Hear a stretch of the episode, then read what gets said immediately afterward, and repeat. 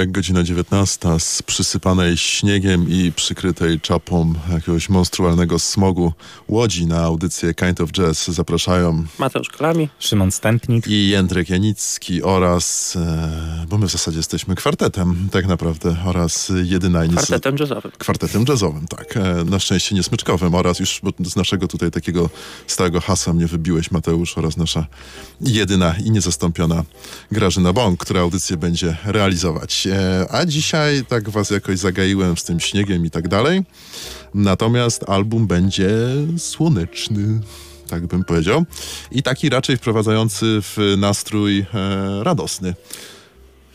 Tak, tak, tak. tak. Bo tak widzę, że się E, zastanowiłeś. W sensie ja nie, wiem, ja nie wiem, czy przypadkowo użyłeś tego słowa słoneczny, czy, czy, czy po prostu tak nie masz odczucia. Ja już bym chciał, żeby słońce przyszło. Nie, wiesz, to albo chyba dlatego wiesz co, tak. akurat jeden, jeden z amerykańskich krytyków tak właśnie opisał ten album, o którym dzisiaj będziemy rozmawiać, że jest perfect for the rainy days. For rainy days. No. Aha, to by było for sunny days. No właśnie, a my będziemy rozmawiać o płycie, e, która się nazywa Jerry Mulligan meets Ben Webster i może was zaskoczę, natomiast jest to płyta nagrana wspólnie przez Jerego Mulligana i Bena Webstera. Także tu nie było e, niespodzianki. Płyta, która... Ale mm, też nie jest to do końca prawda, bo gra tam e, cały szereg innych muzyków. Tak, tak, tak, to prawda. Czyli Jerry Mulligan meets Ben Webster and meets e, others, można by było powiedzieć. Płyta nagrana podczas dwóch sesji z chyłku e, roku 59 w listopadzie i grudniu, czyli podejrzewam, że pogoda była podobna jak ta teraz. Ukazała się w roku 60. I na płycie obok właśnie tych dwóch gigantów e, saksofonu, e, barytonowego i tenorowego, zagrał Jimmy Rolls na, fortepianie, na fortepianie, Mel Lewis na perkusji i Leroy Vinegar e, na kontrabasie. Mm, No i co panowie, może zanim zaczniemy się tutaj rozwodzić i jakieś takie nudnawe expose e, wygłaszać niczym premier taki czy inny, to coś zagrajmy z tej płyty, co wy na to? Tak, jak najbardziej. Tak jak najbardziej. Chelsea Bridge. Chelsea Bridge, posłuchajmy.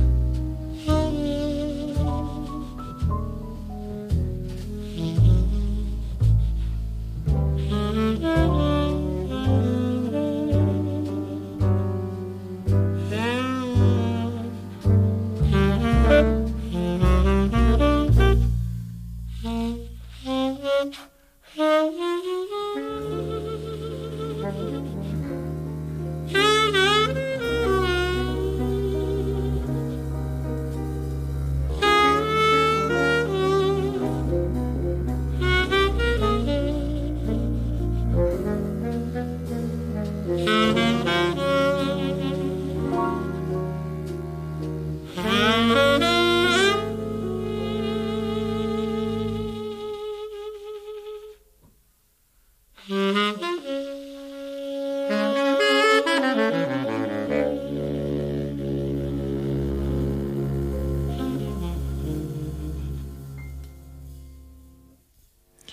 Chelsea Bridge właśnie nam wybrzmiało. Utwór skomponowany przez Billego Strayhorna i e, spopularyzowany przez orkiestrę Duke'a Ellingtona. A tutaj w e, znakomitej, moim zdaniem, interpretacji Jerego Maligana i Bena Webstera.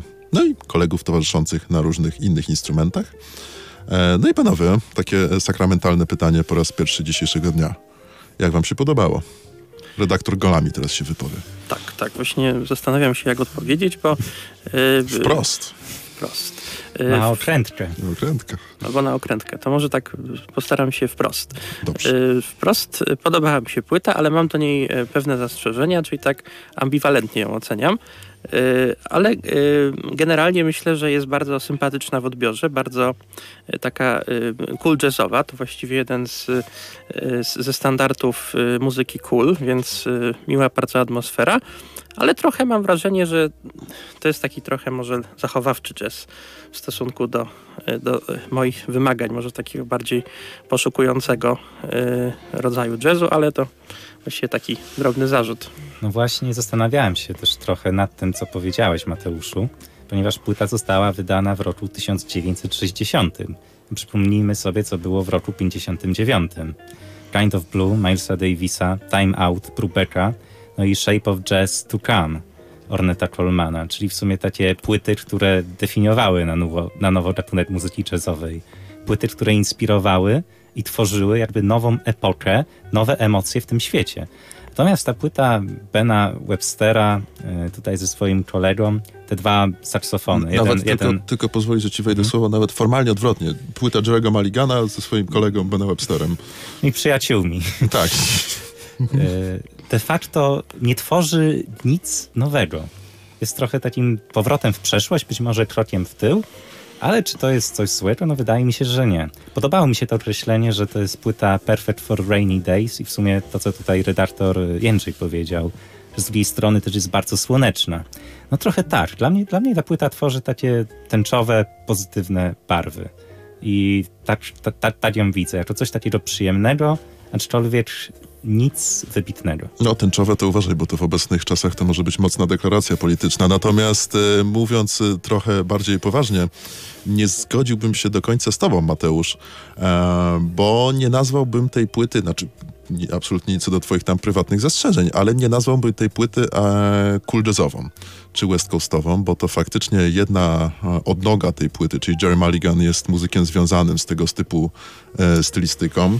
Tworzył tak naprawdę Cool. Pamiętacie taką płytę Birth of Cool razem z Milesem, Likonicem, Gillem Evansem? To chyba 50 rok, 49, coś takiego. Tam, tam była ta słynna La Nevada, co nie? Czy- E, nie, La? Nevada była na, na, na, na płycie Gilla Evansa e, Out of the Cool Out chyba. of the Cool, Albo tak, Into- to nie tak, tak, Cool, Tak, tak mi się wydaje. Tam było wyjście już. Tak, tak, tak już było Tam już wyjście. przychodziliśmy. E, natomiast Mulligan, e, on jakby wychodził z tego kulu, ten West Coast, no tutaj jako synonim traktuje kuli West Coast, był mu zawsze bardzo bliski, zresztą później dołączył do zespołu Dave'a Brubecka po odejściu Paula Desmonda legendarnego. Ale on bardzo chętnie też poruszał się w innych stylistykach. Przecież miał kwartet e, z e, Chetem Bakerem. E, nagrywał płyty ze Stanem Getzem, e, też taki duet z serii Meets. Nagrywał płyty z Theloniusem Monkiem, nagrywał płyty z Johnem Hodgesem, czyli na pewno z muzykami dość odległymi od stylistyki kulowej, cool jazzowej. I tak wam powiem zupełnie szczerze, że mi się wydaje, że to jest bardziej płyta takiego mainstreamowego jazzu początku lat 50. niż cool jazzowa, czyli bardziej to jest płyta dla mnie Bena Webstera niż Jerego Maligana tak naprawdę. E, Ja powiem ci nawet więcej. Mi ona się kojarzy trochę z orkiestrą Duke'a Ellingtona. Oczywiście, I raczej tak. tamtymi, tamtymi czasami. Oczywiście unowocześnione, no ale jednak mm, trochę bardziej osadzone w tym jazzie, nazwijmy to popowym, rozrywkowym. Mhm, mhm, mhm. Tak, no tam też myślę są duże wpływy swingu, prawda? E, Tam jest niemal cały czas swing. Każ, każdy utwór jest oparty na swingu. Można tak też powiedzieć, prawda? Ale e, jak e, czytałem o tej płycie w takich e, fachowych miejscach, że tak powiem, e, chodziło mi głównie angielską Wikipedię, ale właśnie zastanawiam się teraz, czy to jest fachowe źródło informacji. Chociaż tam są przepisy to, ale w sumie mówimy o takich rzeczach, że, że różni Ciężko ludzie... przypis zrobić. to Ciężko jest przypis, tak. prawda? Jak, jak ocenić gatunek płyty, to pewnie jest taka rzecz, że każdy ocenia trochę inaczej. Ale rzeczywiście angielska Wikipedia pisze, że to jest płyta na przecięciu cool jazzu i swingu, więc, więc ja tak gdzieś się też lokalizowałem, ale jak mówicie, że to jest też taki mainstreamowy jazz tamtej epoki, czyli może bez y, takich etykietek, prawda? To, to też chyba nie jest to głupie. Tak, bym też szedł w tym kierunku, natomiast ta etykieta swingowa też nie jest, by- nie jest głupia, mi się też wydaje, bo przecież Ben Webster obok Colmana Hawkinsa i Lestera Younga, a wiecie, że kiedyś Ben Webster uratował Lestera Younga, jak tamten tonął w rzece Rio Grande? Nie, możesz opowiedzieć tę Ciekawa historię. anegdota. Znaczy, to jest koniec tej historii. Mogę, mogę ją ubarwić trochę. No, Lester Young tonął, przyszedł Ben Webster i go u- uratował. Tak to wyglądało i to był początek ich wielkiej przyjaźni. W każdym razie to byli tacy trzej y, królowie e, swingu, więc, więc Webster od tego tutaj nie ucieka zupełnie i chyba to jego brzmienie takie pełne, soczyste, nie? W jakiś sposób definiuje tę płytę, mam wrażenie. Ale ja bym na przykład tak prowokacyjnie w tą, tą bardzo. płytę trochę Mhm. uderzył, że ona y, jest jakby już na tyle stara, bo to jest rok 60, czyli y, dokładnie licząc y, sz- 63, 4 lata temu. Zasadzie, tak. Y, Więc myślę, że ona jest już na tyle jakby stara i na tyle przykryta patyną czasu, że ona trochę y, na poziomie kontekstu czy czasów, w których powstawała, y, jest w takim jakby obszarze takiej bezpiecznej dla nas przeszłości, że myślę, że już dzisiaj ani nikt tak nie gra i nikt, nikt nawet nie próbuje tak grać, chociaż tam pewnie by się znaleźli tacy ortodoksi, którzy jeszcze tak, tak próbują grać. Oj nie, tak, jakbyś nawet spojrzał na nawet polską scenę jazzową, to owszem, dużo, dużo jest teraz takiej free awangardy, ale znajdują się też tacy, którzy idą, idą w taką stronę, wiesz, bardziej klasyczną. Ale myślę, na że nie- przykład nie- Paweł, Paweł O Palcowski, właśnie, którego też, uwielbiam. tak, też To tak, ale- Maciej Kitajewski, w ogóle Katowice, nie? Tamten, tamten. Ale myślę, że nie aż tak, or, tak ortodoksyjnie starą jak ta płyta. No wiesz co, nie wiem, no bo na przykład jakbyś porozmawiał z takim nestorem trochę polskiego jazzu, ale osobą, która ma jeszcze duży wpływ na, na to, jak polski jazz wygląda, Mariuszem Bogdanowiczem, kontrabasistą, no to on nadal ma takie myślenie o jazzie mniej więcej jak tutaj jest y, na tej płycie, takie bardzo, e, bardzo zachowawcze. Zresztą jakbyś po, po, porozmawiał z naczelnym y, pisma e, Jazz Forum. Jazz Forum, Pawłem Brodawskim, no to tak samo, nie? By się pojawiło. To jest ciągle ten sposób myślenia o muzyce jazzowej. Początek i koniec jazzu tak naprawdę. A w sumie wiecie, co to jest ciekawe, bo tutaj mówimy o takich nazwiskach, a naczelny mistrz polskiego jazzu, Jan Ptaszyn Wróblewski, on oczywiście dużo, dużo, dużo pokazuje klasyki w swoich audycjach, ale on też jakby nie boi się no, nowości. Więc mam wrażenie, że rzeczywiście trochę tak jest chyba, że nasze myślenie o jazzie czasem zbyt mocno jest zakorzenione w tej tradycji. Tak, tak. Myślę, że, że tak jest. Znaczy wiecie co... Oczywiście tradycja nie jest zła. No właśnie, właśnie, bo ja jakby, ja jestem przeciwnikiem takiego w duchu futurystycznego odcinania się od tradycji. Ja nie widzę nic złego w tej tradycji. Ja uważam, że warto do niej wracać, nie ją kopiować, ale z niej czerpać. No nie wiem panowie jak wy, ale jak ostatnio słuchaliśmy sobie Nadziego Miasta, Naked City, O, to miło czasem powrócić właśnie do takiej klasyki, jaką mamy dzisiaj.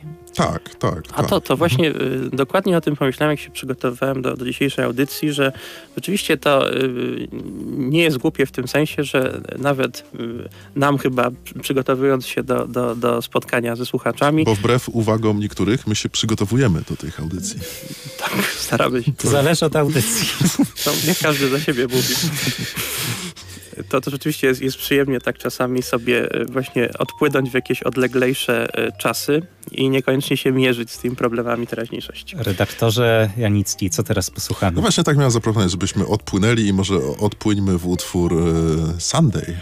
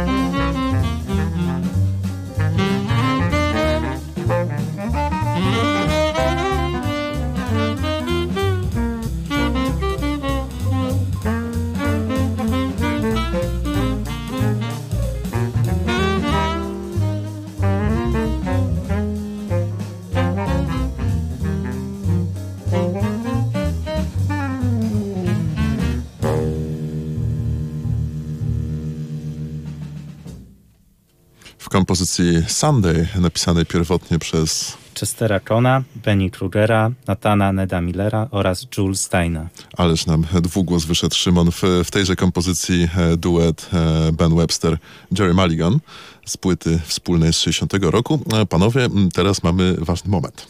Nie wiem, czy wiecie. Konkurs. Konkurs, właśnie. Tralalala będzie konkurs. Konkurs y, polega na tym, że można wygrać bilet. E, bilet na koncert zespołu e, Niebo. Niebo, Niebo. Przepraszam, dwa razy. Niebo, Niebo. Czyli duetu takiego mocno awangardowego, tworzonego przez saksofonistę znanego wszemi wobec e, Tomka Gadeckiego oraz y, taką eksperymentalną wokalistkę Joannę Szkudlarek. Kapela jest ciągle przed swoim debiutem płytowym, a debiut płytowy i to jest informacja, która pierwszy raz obiegnie media jazzowe w ogóle na całym świecie. Wiecie, jak się będzie nazywał?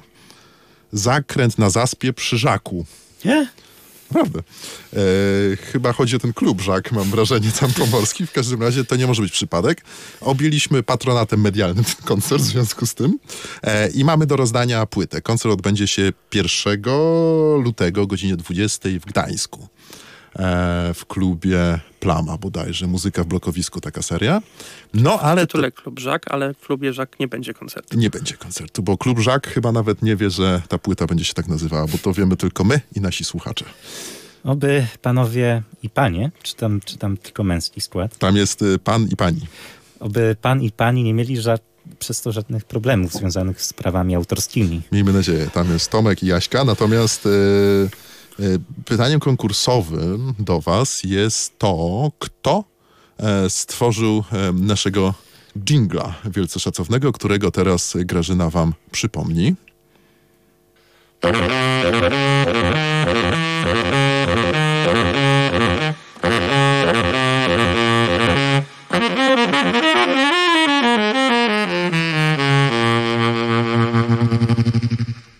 No właśnie, kto to nagrał? Jeżeli nie macie pomysłu, kto to mógł nagrać, e, to prosimy o jak najbardziej kreatywne odpowiedzi. Właśnie ta odpowiedź, która nam się najbardziej podoba, o ile żadna poprawna się nie pojawi, zostanie nagrodzona e, tymże biletem.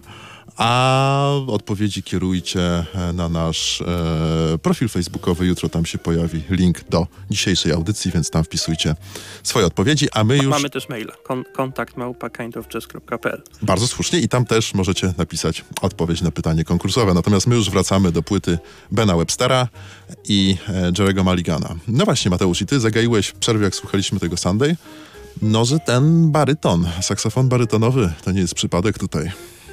No właśnie, y, Jerry Mulligan jest uważany za jednego z najwybitniejszych y, barytonowych saksofonistów ever, więc, y, więc tutaj mamy właśnie popis gry na saksofonie barytonowym. Zresztą Jerry Mulligan też grał na klarnecie, więc on jest specjalistą od różnych rodzajów instrumentów dętych, ale właśnie ten baryton jakoś się z nim zrósł.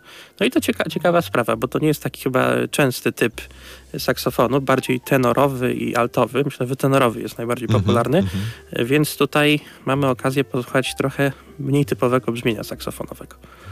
Tenor, alt, y, sopran czasami też, nie? Przez Johna Coltrane'a zwłaszcza. Też- taki też sopran właśnie, tak. Spopularyzowany. Szczeltowy chyba, na którym gra e, Maciej Obara. No chociażby, ale też Paul Desmond z, y, od Dave'a Ale Brabecka. właśnie jestem ciekaw, który jest najczęściej Myślę, że tenorowy. Chyba w ogóle tenorowy. jakbyście sobie tak y, wyobrazili taką ikonę jazzu, coś takiego, coś co wiem się pierwsze kojarzy z jazzem, to dla mnie właśnie by był saksofon tenorowy. Tenor. Tak, Coltrane właśnie chyba przede wszystkim grał na tenorowym. Przede wszystkim ten sopran, no to był tak od przypadku do przypadku. No chociaż nagrał najsłynniejszy utwór, znaczy jeden ze swoich najsłynniejszych utworów na, na sopranowy. To prawda, to prawda. Natomiast ten baryton rzeczywiście jest mało popularny w Polsce. To chyba Janusz Olejniczak raz na jakiś czas chwytał za e, saksofon barytonowy. Czasem jeszcze mój idol Ptaszyn chwyta za barytonowy. Tak, ale na nagraniach również? Czy Ta, na... też na nagraniach Okej, również. nie pamiętam go O, na, z przykład, barytonu. na przykład Louis Clavi, mój ulubiony francuski saksofonista, też bardzo lubi baryton. To jest twój ulubiony barytonowy saksofonista? Chyba Czy tak, chyba tak. A ja bym postawił na Roniego Kubera z orkiestry Gilla Evansa. Prawdę mówiąc, taki bardzo ognisty sposób grał. Baryton z czymś wyluzowanym się kojarzy, a Kuber grał właśnie bardzo ogniście. Tak, natomiast na tej płycie, co mi się bardzo podoba, to mamy mieszankę właściwie dwóch saksofonów. Z jednej strony baryton, a z drugiej strony właśnie e, tenor. No i to mi się podoba właśnie, że czasem słychać ten dialog i można bardzo fajnie odróżnić. Ta płyta jest takim ćwiczeniem też na, na ucho, na słuchanie. gdzie gra tutaj baryton, gdzie gra tutaj tenor.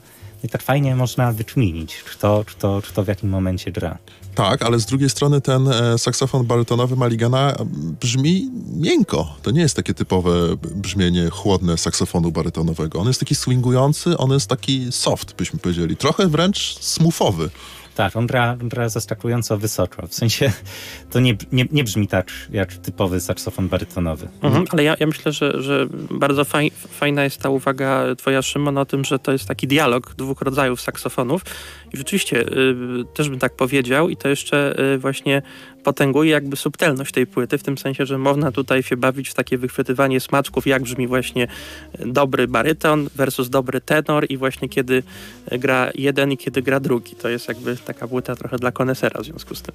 Tak, trochę tak. Natomiast y, wiecie, były próby przedstawiania tej płyty jako wojna światów, no bo Ben Webster, orkiestra Duke'a Ellingtona, swing i tak dalej, Maligan, cool jazz, ale to zupełnie nie w tym kierunku bym szedł. Tak, ale też pamiętajmy, w ogóle była róż, różnica wieku dzieląca tych dwóch panów to 20, 20 lat prawie. Lat. Tak, tak, tak. Natomiast tu chyba tego nie słychać, nie? Tych różnych światów. To się stapia w takie jedno, jedno brzmienie tak naprawdę.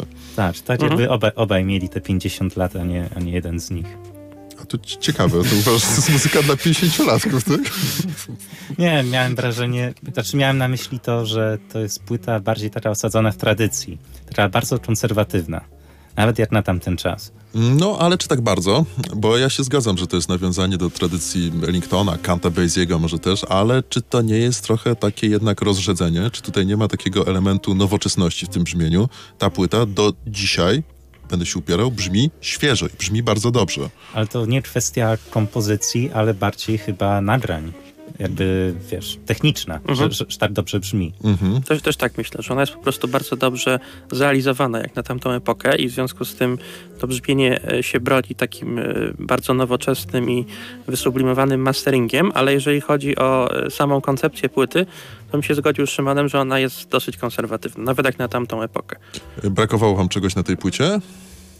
Tak was zagajam. Mateusz wspomniał, że brakowało ci trochę może więcej szaleństwa, odwagi. Buntu trochę Buntu brakowało. takiego, tak. A y, Szymon? Ja w sumie zgadzam się z Mateuszem, no bo jak tutaj wspomniałem na początku, że to była, to był właściwie rok po tym, po tym wielkim przełomie jazzu.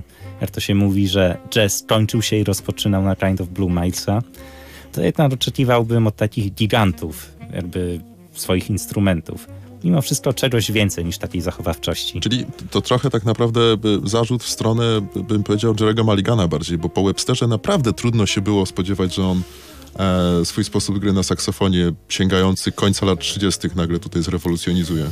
No wiesz, jeżeli chodzi o jego sposób gry, to ja nie mam nic do tego, żeby, żeby nagle musiał zacząć zmieniać i szukać nowoczesności. Aczkolwiek po takiej płycie spodziewałbym się mimo wszystko wyjścia poza schemat, nie wiem, kompozycyjny, czy, czy cokolwiek innego niż takie granie w sumie standardów. Nawet jeżeli tutaj utwory są y, autorskie, to one i tak brzmią jak standardy. Tak, tak, tak, to prawda. No i może by po tej, y, jak to się mówi, łyżce dziegciu e, osłudźmy sobie galonem, nie, be- beczką miodu, tak? I posłuchajmy utworu na specjalne życzenie, powiemy e, zakulisowo e, Grażyny. Posłuchajmy utworu Tell Me When z jednego z tych takich niby standardów skonstruowanych, napisanych przez Jerego Maligana. Nie widzę sprzeciwu.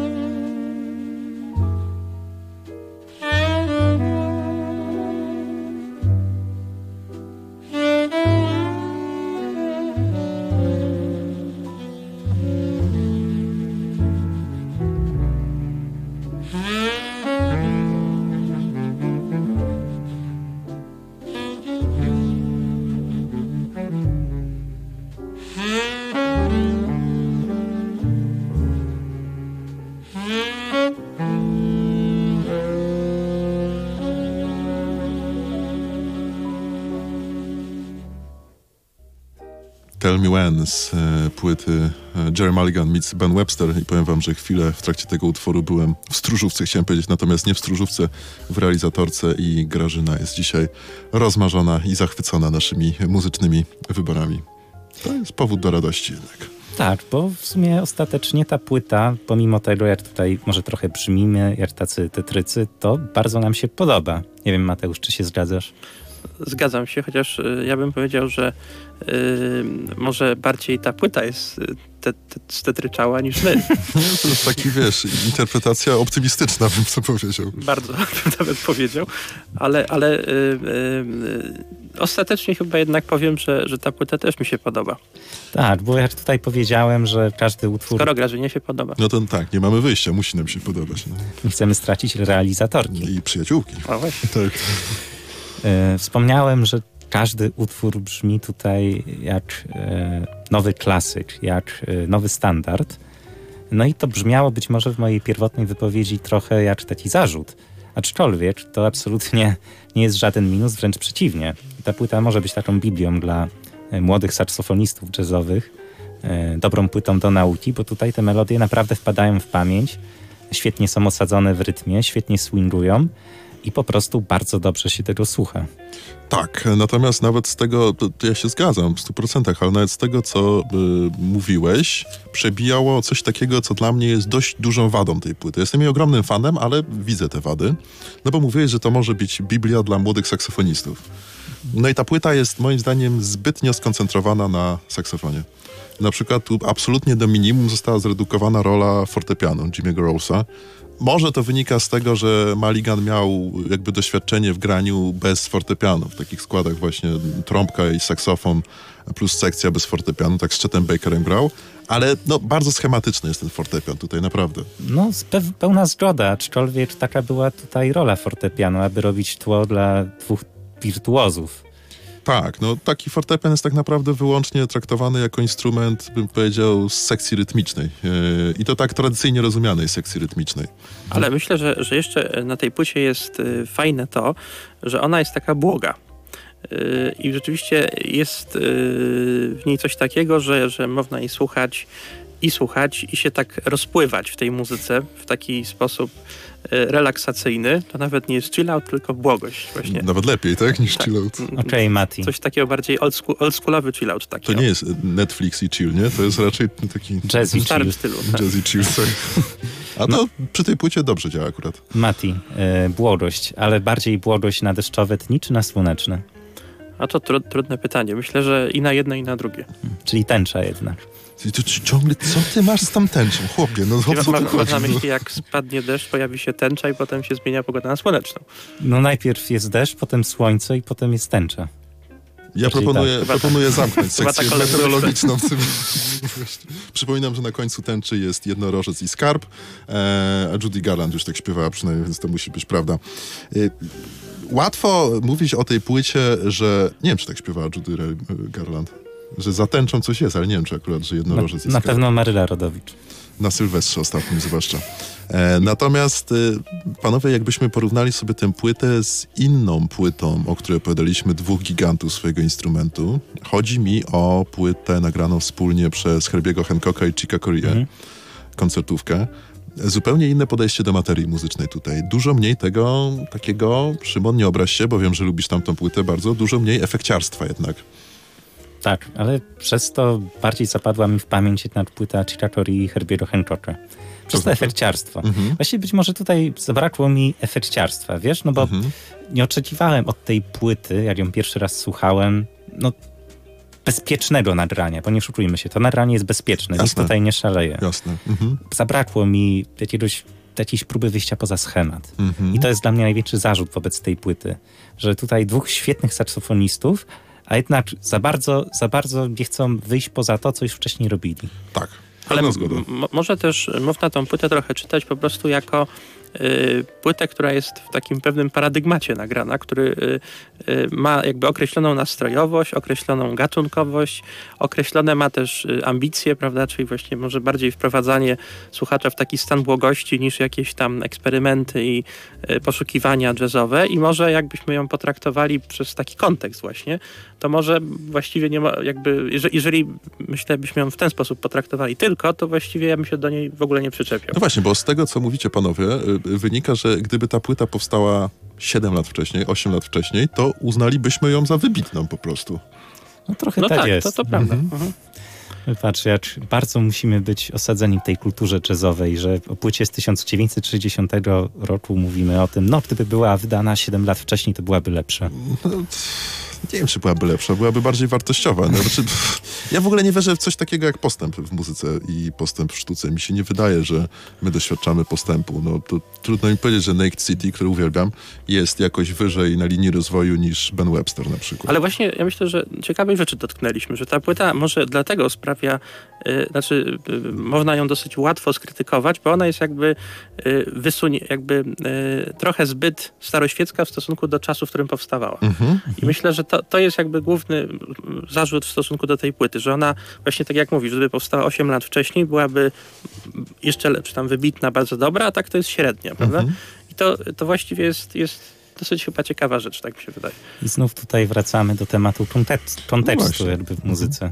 No bo jakbyśmy się skupili na takim czystym przeżyciu estetycznym obcowania z tej płyty, jakbyście nie znali tego nagrania i po prostu sobie włączyli tę płytę, no to y, y, inna by była wasza reakcja, dopiero po doczytaniu, nie? Nawet z okładki, z którego to roku jest płyta, Tak, tak, się. wiesz, bo my tutaj trochę tak brzmimy negatywnie, ponieważ po prostu szukamy jakichś minusów na siłę, no, żeby No, audycja no, była no, ciekawa. Jasne, tak. Ta Mam, mamy godzinę w końcu. Tak, co, tu- co tu czasu, nie? tak. Wszystko się... ta, ta płyta autentycznie mi się podobała, tak samo jak kiedyś, pamiętacie, przyniosłem e, Wintona Marsalisa. Też Jest- tutaj narzekaliśmy, że płyta staroświecka, że nic tutaj jakby ciekawego, no ale jest coś miłego w tym, e, w tym szacunku do tradycji jazzowej. Jest, to New Standards chyba, tak, ta płyta? Mhm. Poza tym jest jeszcze jedna, myślę, ciekawa rzecz, że y, y, w sumie y, na przykład ja tak mam, że ja w zależności, nie wiem, od dnia, od nastroju lubię słuchać bardzo różnej muzyki. Mhm. I na przykład, nie wiem, myślę, że na, na pewne dni ta płyta by była dla mnie idealna, a Naked City czy inne rzeczy byłyby na inny dzień dobry. Ta, ta płyta by była na ciche dni, na idealna, tak. Tak, albo na, na dni wakacyjne, Na dni wakacyjne, tak. na hamaku. Nie No. w dębkach. Tak, tak? Albo, albo, albo na takie śnieżne jak teraz, bo, bo przyznam szczerze, że słuchając jej w drodze do pracy, bo teraz sobie spaceruję, chodząc do pracy, Nie mówmy czemu. to, to tak bardzo, bardzo miło było mi podziwiać łódzkie zaśnieżone ulice, właśnie mając w uszach e, Sunday. Jeżeli ty mi chcesz powiedzieć, że słuchając tej płyty zacząłeś podziwiać, podziwiać Łódź i to jeszcze przysypaną szaroburym śniegiem, gdzie jest minus 6 i po prostu nie da się przeżyć i dzięki tej płycie zacząłeś podziwiać to odczucie, znaczy, że to jest płyta genialna. Tak, to najlepiej świadczy o mało jej jakości. Mało- Mało, to jest genialne. No dobrze, panowie. E, jakiś jeszcze utwór na koniec mamy do zagrania? Mamy, mamy jeszcze utwór do zagrania na koniec, natomiast jeszcze chciałem wam powiedzieć jedną rzecz o tej płycie, jeżeli pozwolicie, bo jeszcze dwie minutki mamy. Ja się ze wszystkim zgadzam tutaj, co powiedzieliśmy i z zarzutami bardzo celnymi i, i, i, i z pochwałami, ale dla mnie ta płyta się opiera ciągle na brzmieniu, nawet nie na frazie, ale po prostu na brzmieniu Be Bena Webstera. To jest dla mnie jeden z ta taka powłóczystość nie? Tej, tej jego frazy, takie vibrato charakterystyczne i taki e, natychmiastowy romantyzm, który jest w stanie kreować, no coś wybitnego, jeżeli chodzi o tego saksofonistę. Oczywiście, że tak. Z takich nieoczywistych jeszcze plusów pragnę tutaj zaznaczyć jakość gry sekcji rytmicznej. No nie wiem, czy próbowaliście panowie kiedyś w swoich przygodach muzycznych grać swing.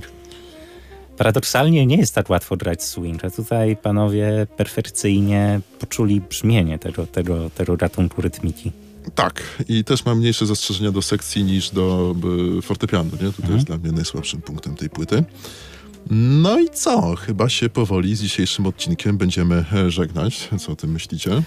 No niestety, no, chciałoby się słuchać tej płyty godzinami, ale Chciało. mamy tylko jedną godzinę. Za ona po pierwsze nie jest takie łatwo słuchać jej godzinami, bo pierwotna wersja to tylko sześć utworów, więc to nie jest takie łatwe zadanie. No właśnie, Tak, ale, trzeba... ale może właśnie jeszcze y, z faktografii warto wspomnieć, że wersja z 97 roku to jest aż 26 utworów. Tak, bo to jest cała sesja wtedy, te, te Cała dwa sesja. dni są Natomiast na. Spotify'u, bo pewnie większość tutaj naszych słuchaczy korzysta z serwisów streamingowych, to na Spotify'u mamy taką edycję rozszerzoną, nie tą, o której mówi Mateusz. Tak, 11 utworów. 11 utworów, ale też inną niż mówi Jędrzej. Jest ona wzbogacona o takie odrzuty z tej sesji Tak, my nagraniowej. się tutaj skupiliśmy na tej pierwotnej winylowej wersji, to wydanej w wersji mono, bo wyobraźcie sobie, że wersja stereo była wydana z taką kubistyczną okładką, dopiero chyba tam parę lat później.